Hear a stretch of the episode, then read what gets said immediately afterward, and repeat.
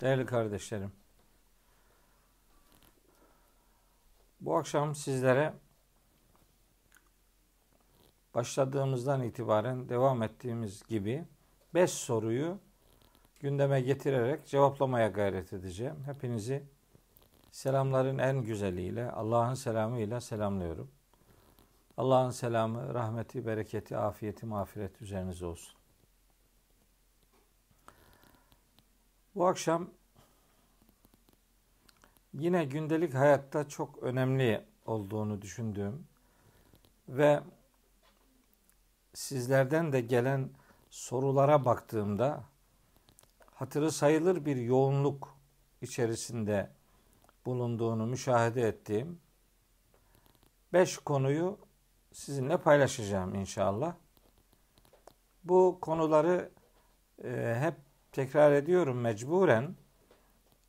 Yani sorulma sıklığına göre ya da yoğunluğuna göre e, de, de, sıralamaya çalışıyoruz. Yani öyle çok aman aman bir gelişmiş bir sistemimiz de yok. Yani kendiliğinden elenen sorular yok.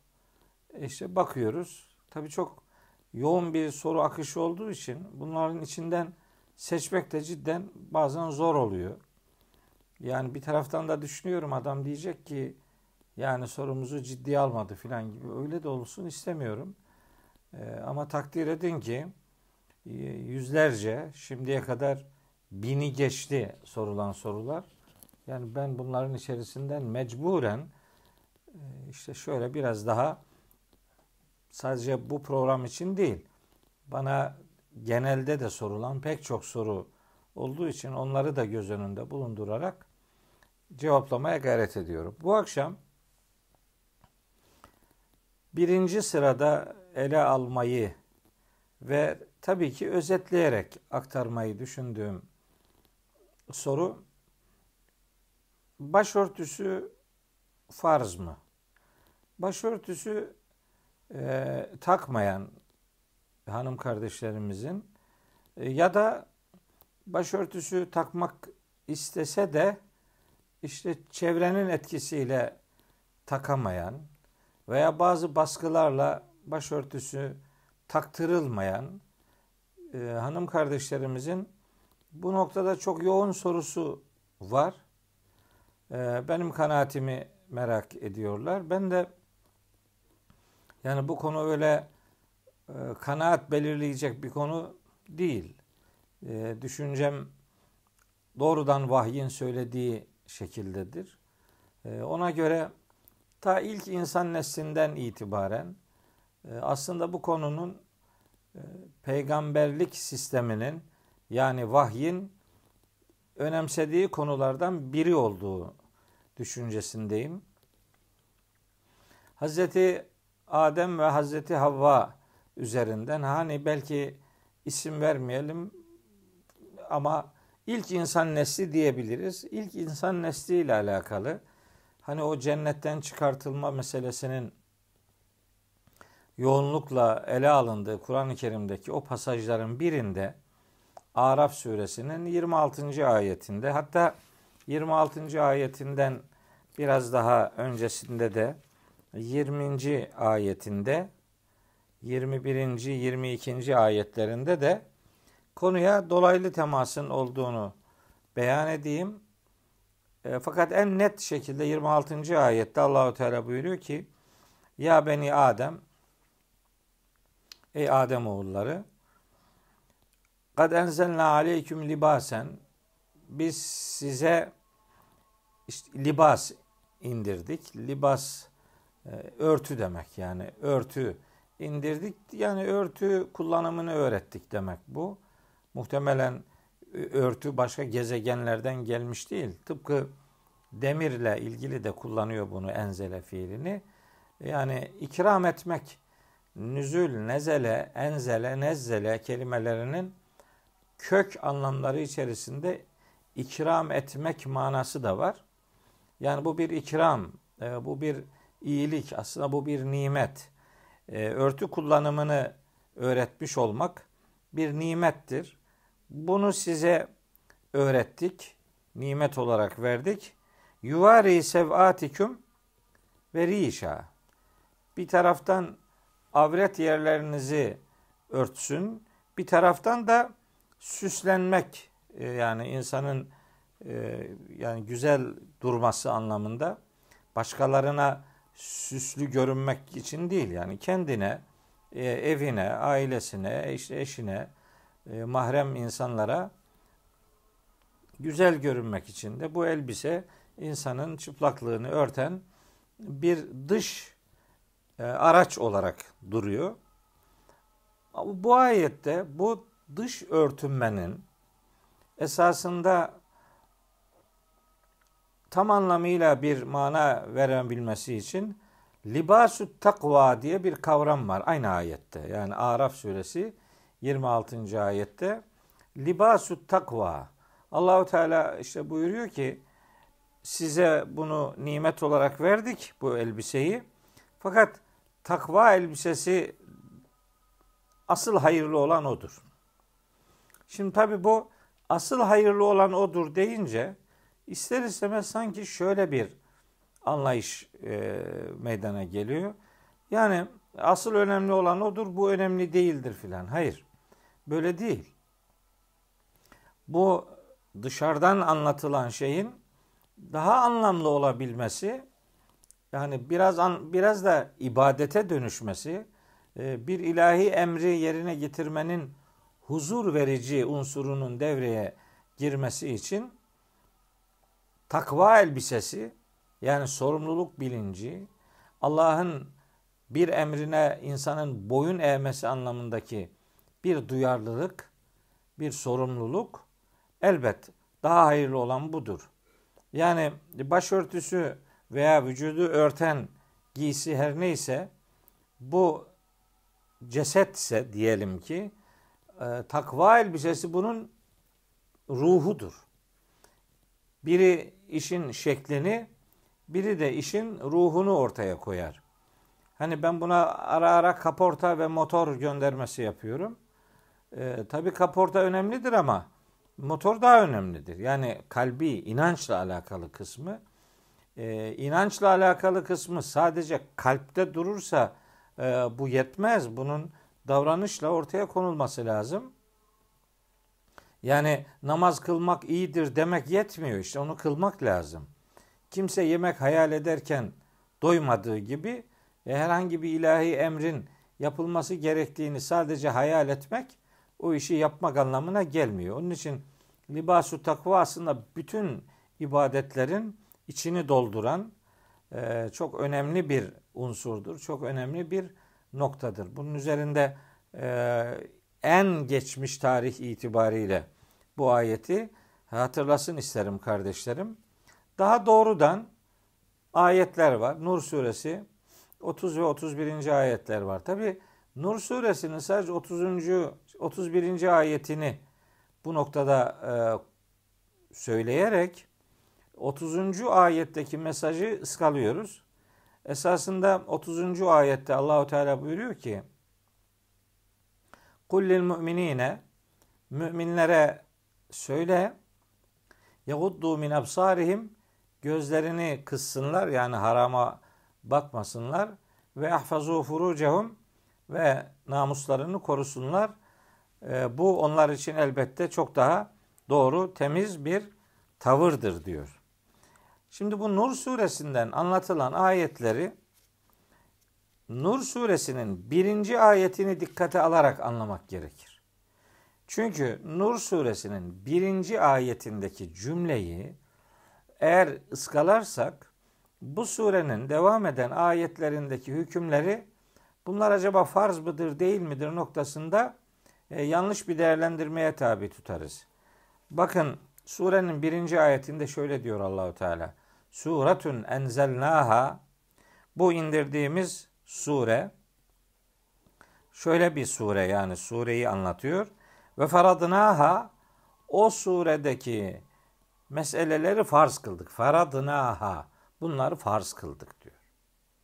Ve enzelna fiha bu surede fiha bu surede indirdik ayatin beyinatin apaçık hükümler, ayetler, mesajlar lealleküm tezekkerun gerçeği hatırlayasınız diye. Şimdi bakın bu birinci ayetteki bu feradnaha fiilini gördükten sonra artık zina ile ilgili meseleler geliyor. E, iftira ile alakalı meseleler, detaylar geliyor.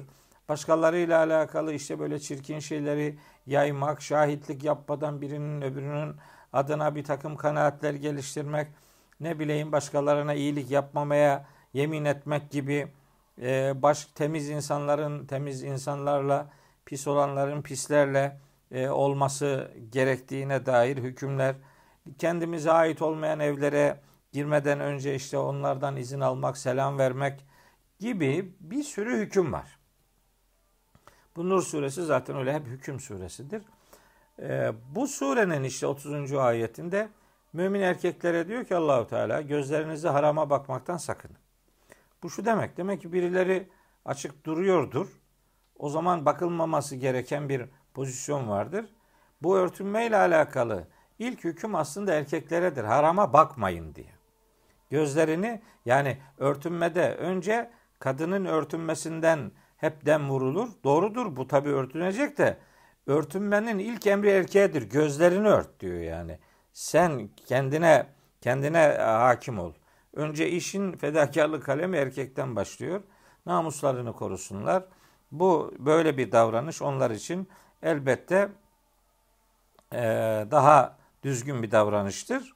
Daha temiz bir davranıştır. Sonra mümin hanımlara da söyle onlar da gözlerini harama bakmaktan kıssınlar. Onlar da namuslarını korusunlar. E, zinetlerini açmasınlar. Kendiliğinden görünenler hariç ki bunun yüz, eller ve topuklardan aşağıya, uyluk kemiklerinden aşağıya ayaklar olduğu e, bilinir. Kendiliğinden görünenler bunlardır. Kendiliğinden görünen ifadesi başka bir şey. Kendi özellikle göstermek başka bir şey yani. Özellikle göstermekten söz etmiyor Allahu Teala. İlla mazahara minha işte kendiliğinden görünen kısmından söz ediyor. Sonra vel yadribne bi humurihin ala cuyubihinne diye bir cümle var. Bu cümle işte örtüyle alakalı olan humur dediği şey hımarın çoğuludur. Hımar örtü demektir. Ama bu örtü başı örten şey demektir. Başı örten şey demektir. Hamr içkiye hamr denmesinin sebebi de aklı örtmesinden dolayıdır. Aklı örttüğü için içkiye hamr denir. Akıl başta olur başla ilgili bir örtüden söz edilen ayette de humur kelimesi başı örten şey demektir. Şimdi deniyor ki efendim Allah o ayette saçları örtün demiyor, başınızı örtün diyor. Ben bunu anlamıyorum ya. Ya bu nasıl bir şey şimdi yani? Yani eldiven tak deyin de, deseniz bir adama, eldiven tak, eldivenleri bileklerine kadar uzat dese mesela bir adam. Siz şimdi bundan şunu anlar mısınız yani? E, bileklere kadar ört diyor veya bilekleri de ört diyor. Bilekleri ört diyor. Parmakları ört demiyor. Ya bu bu anlaşılmaz yani. Bu e, buna ne diyeceğimi bilmiyorum yani. Bu tür cümleleri e, hiç hoşuma gitmiyor bunlar yani. Bir insan tabi örtünmüyor olabilir. O kendi tercihidir. Yani insanlar hata yaparlar. Hepimizin hatası var. Hatta bir adamın yüzüne hatasını haykırmak bile belki o hatayı yapmaktan daha kötü bir şeydir yani. Alay etmek, e, hor hakir görmek, ne bileyim dalga geçmek filan. Hatta soyutlamak, tecrid etmek, e, işte böyle şeyler zanna göre hareket etmek, gıybet etmek, dedikodusunu yapmak filan. Bunlar da haram. Korkunç haramlar bunlar. Bu haramlar üzerinden bunlar hafife alacak bir şey söyleyecek halimiz yok. Yani örtünmüyor olabilir bir hanım kardeşimiz. Hiç olmazsa yani örtünmeye gerek yok gibi böyle hani bu Allah'ın emri kardeşim. Bu örtüyü diyor işte göğüs göğüslerine doğru salsınlar. Vel yadırıp ne vursunlar, salsınlar. Bir humurihinne başlarını örttükleri şeyleri ala cuyubihinne işte bu göğüs ceplerine doğru aşağıya doğru sarkıtsınlar diyor ayet. Gayet açık. Yani bundan şimdi yani mesela doktora gidip sorsanız dese ki doktor size her gün duş alacaksın diye. Ben eminim hiç kimse sormaz yani duş alırken başımın şurasını yıkayayım mı? Yok kulağımın burasını yıkayayım mı? Elimin şurasını yıkayayım mı? Böyle bir şey sormaz insan yani. Bilir duş almak nedir? Herkes bilir. Bunun üzerinde başka izaha gerek yok. Yani başın baş örtüsü Bu başörtüsü değil de göğüs örtüsüdür filan. Onun için humur kelimesini kullanmazdı. Siyabihin ne derdi, libasihin ne derdi, başka bir kelime kullanırdı. Bu başla alakalı bir kelime olduğu için başörtüsünün Allah'ın emri olduğunda inanın zerre kadar tereddüdüm yoktur. Zerre kadar bir tereddüt içerisinde değilim. Fakat şunu söyleyeyim. Hani böyle bir saçının bir tane teli görünürse işte bilmem kaç bin sene yanacak gibi işte şuradan bir tane göründü, şuradan iki tane göründü filan. Yani bunu böyle cehennemin e, işte kütüğü ilan etmenin bir manası yok. Kendiliğinden böyle kenarından görünüyorsa nihayetinde özellikle göstermek gibi bir dert yoksa mesele yok. E, başörtüsü Allah'ın emridir ve hanım kardeşlerimizin bu emre e, itibar etmesi, onların mümin olmasının elbette bir gereğidir.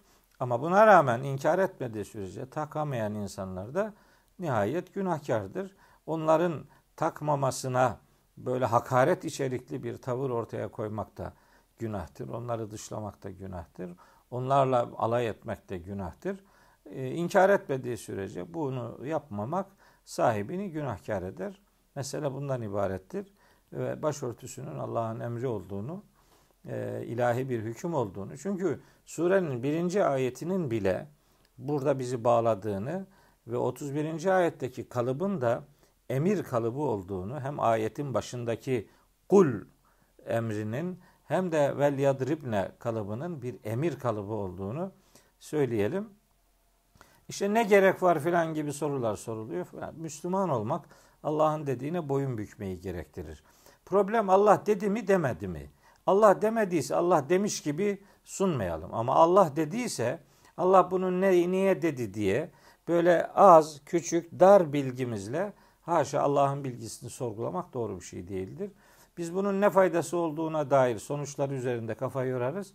Ama bunun Allah'ın emri olduğunda şahsen hiçbir tereddüdüm yoktur. Hiçbir en ufak bir tereddüt taşısam onu söylerdim. Hiç kimseden de çekinmezdim.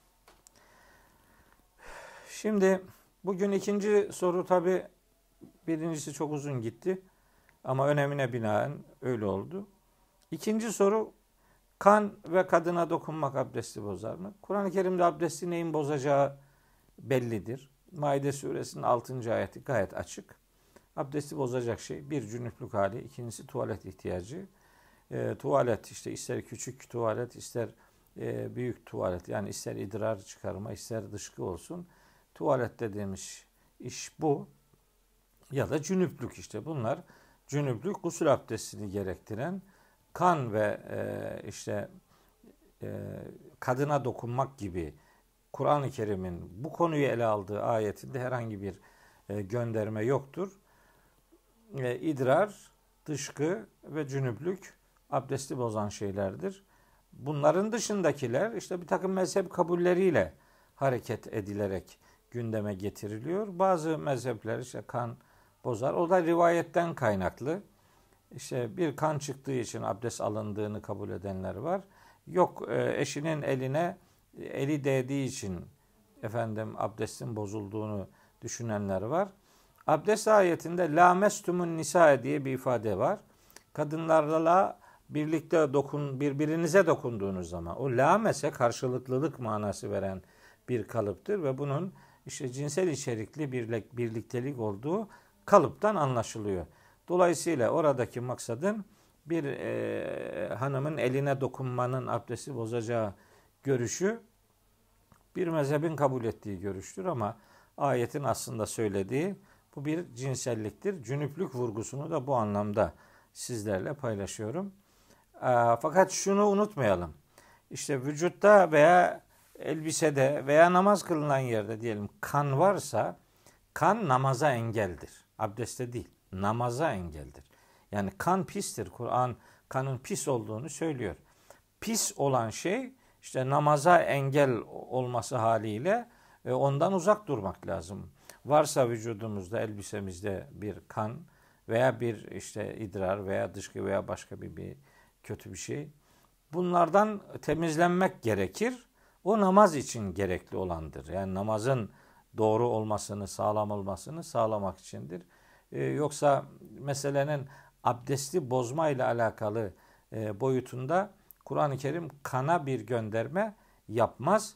Onun için mesela kadının eline değdiği zaman abdestin bozulması fetvasını uygulayan bir mezhep mesela kanın çıkmasının abdesti bozmadığına da fetvayı vermiştir. Bu mesele işte rivayet üzerinden yürüyünce böyle birden farklı kanaatler ortaya çıkabiliyor. Ben ayetin söylediğini sizinle paylaşmış oldum. Bu kadarını söyleyeyim. Ee, başka bir soru. Allahu Teala Kur'an-ı Kerim'de neden biz ifadesi kullanıyor diye böyle e, hatırı sayılır e, kardeşimiz bu konuda sorular sormuş. E, bunun cevabını biliyoruz. E, bunların e, böyle birkaç ihtimal üzerinden sizinle paylaşayım. Allahu Teala'nın biz dediği bir defa Allahu Teala kendisi için Kur'an-ı Kerim'de bazen o zamirini kullanır. Huve. İşte kul huvallahu mesela.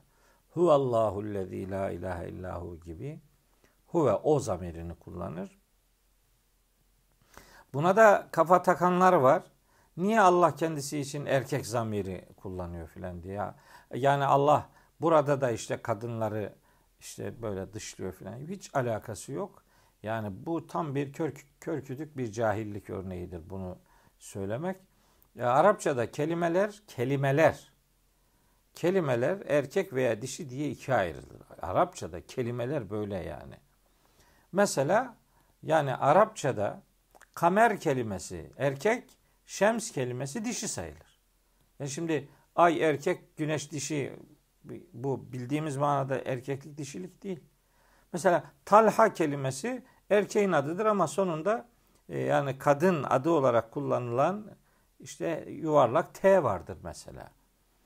E, başka mesela vücut organları dişi kabul edilir. El, göz filan gibi. E, bu Arapçanın kelimelerin kullanımı ile alakalı bir özelliğidir. Kelime erkek bir erkek kabul edilen bir kalıpta e, yapıda görüldüğü için Allahü Teala kendisine erkek zamir kullanıyor. Yoksa cinsiyetle alakalı bir gönderme asla yok. Çünkü Allahü Teala herhangi bir cinsiyetten münezzehtir. Cinsiyetleri yaratan odur. O herhangi bir şekilde erkeklik ya da dişilikle anılamaz. Böyle bir şey söz konusu değildir. Tekrar ediyorum. Kelimenin Arapçada erkek veya dişi kabul edilmesinden kaynaklıdır bu e, kullanım. Hüve. E, Rabbimiz kendisi için zaman zaman ene, ben zamirini de kullanır. Zaman zaman da nahnu, na, biz zamirini de kullanır. Bazen öyle de kullanır. Peki e, niye böyle? Allahu Teala'nın herhangi bir nesneye, herhangi bir varlığa benzetilememesi için Rabbimiz kendisiyle alakalı böyle değişken zamirler kullanıyor. Çünkü Şura suresi 11. ayette leyse kemislihi şeyun. Allah onun gibi benzeri gibi hatta olabilecek hiçbir şey asla yoktur yani. Bitti. Yani Allahu Teala'nın ne olduğunu değil de biz ne olmadığını e, bilebiliriz yani. Allah zat Rabbimizin zatı ile alakalı böyle tespitlerde e, tahminlerde asla ve asla bulunamayız. Hatta Arapçada şöyle bir e, ifade vardır. Ma hatara bi balik fallahu gayru zalik derler. Yani senin aklına Allah'ın zatı ile ilgili her ne geliyorsa bilesin ki Allah onun dışındadır. Ne hayal ediyorsan Allah o değildir işte. E, Şura suresi 13. ayet bu bilgiyi verir. Hatta İhlas suresinin 4. ayeti de onu verir. Ve lem yekullehu küfüven ahad. Yani onun dengi gibi hiçbir şey yok. Allah hiçbir şeye benzetilemez. Rabbimiz herhangi bir şeyle e, asla ve asla özdeşleştirilemez yani. O e, aşkın bir varlıktır. E, herhangi bir kelimeye, herhangi bir nesneye benzetilecek özellikle bir daraltılmanın konusu filan değildir. Peki niye biz diyor? Niye biz diyor? Ee, biz demesinin sebebi kendi kudretinin, zatının yüceliğine, makamının yüceliğine dikkat çekmek olabilir. Bir. İki, e, biz diyerek insanların birbiriyle fikir alışverişinde bulunmalarını, görüş alışverişinde, istişarede bulunmalarını onlara öğütlemeyi hedeflemiş olabilir. Üç, insanlara ben dememeyi, biz demeyi öğretmek için böyle bir yani tevazuyu öğretmek için biz kalıbı kullanmış olabilir. Dört, bu üçü doğrudur ama dördüncüsü bence en doğrusu bu dördüncü söyleyeceğimdir. Dördüncüsü Rabbimizin biz demesinin sebebi aslında biz dediği konular melekleri görevlendirdiği konulardır. Hani biz yarattık, biz öldürürüz, biz diriltiriz, biz yağmur yağdırırız, biz rüzgar estiririz, ne bileyim biz peygamber göndeririz, biz kitap indiririz gibi o biz dediği yerler e, hepsi melek yani sistemin yukarıdan aşağıya işletilmesindeki mekanizmadan dolayıdır. Melek istihdamını söz konusu ettiğimiz için Allahü Teala o e, ifadelerde biz kullanıyor.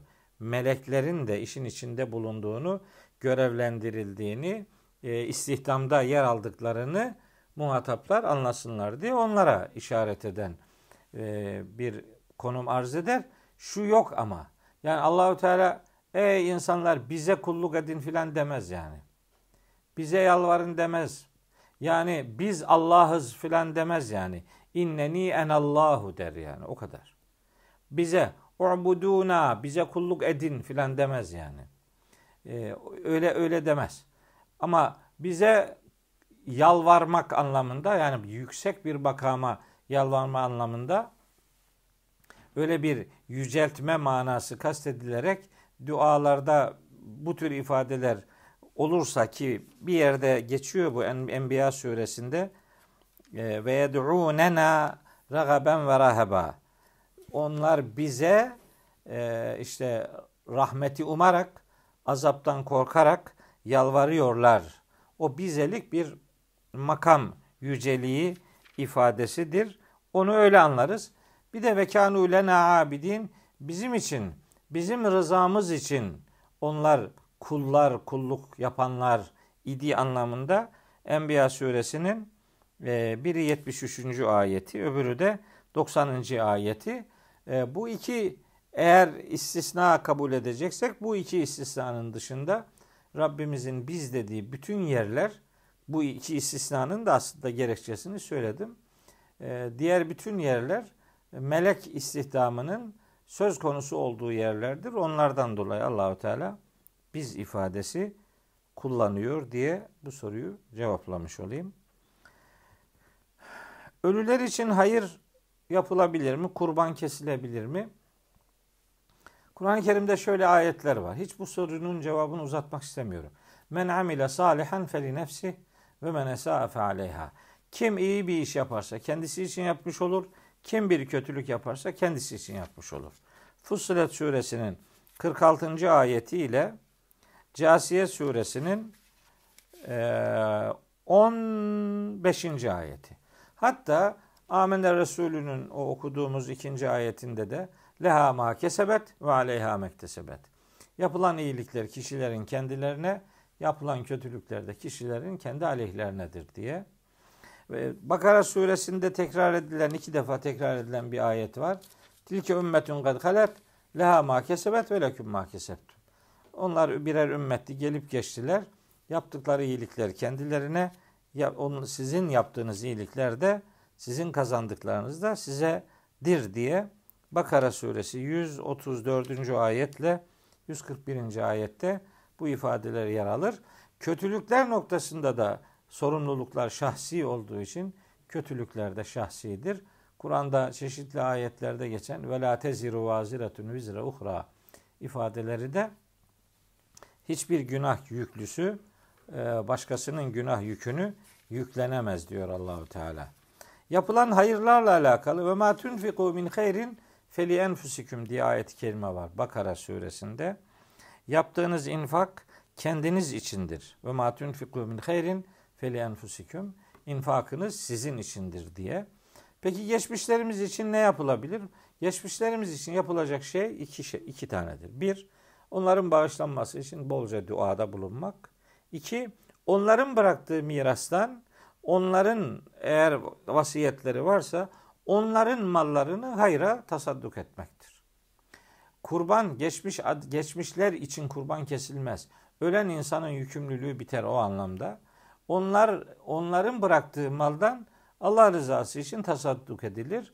Mal onların olduğu için Cenab-ı Hakk'ın o malın sahipleri doğrudan muhatap oldukları için ve ölmeden önce de hayrıma e, işte bunları tasadduk edin demişse eğer zaten bu büyük bir e, görevdir. Onu yapmak gerekir.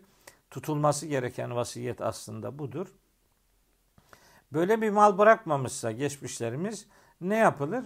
Biz gene Allah rızası için kurban keseceksek keseriz. Hayır yapacaksak yaparız. Hayır yapmış olmak, kurban kesmiş olmak, ibadet e, ehli olmak çok büyük bir kazançtır, kazanımdır. O faaliyeti, o fedakarlığı yaptıktan sonra duamızı yaparız. O duada da geçmişlerimizi Rabbim rahmetiyle kucaklasın diye e, bir dua yaparız. Duanın kabulü noktasında bunun bir katkı içerikli olabileceğini e, ifade edeyim.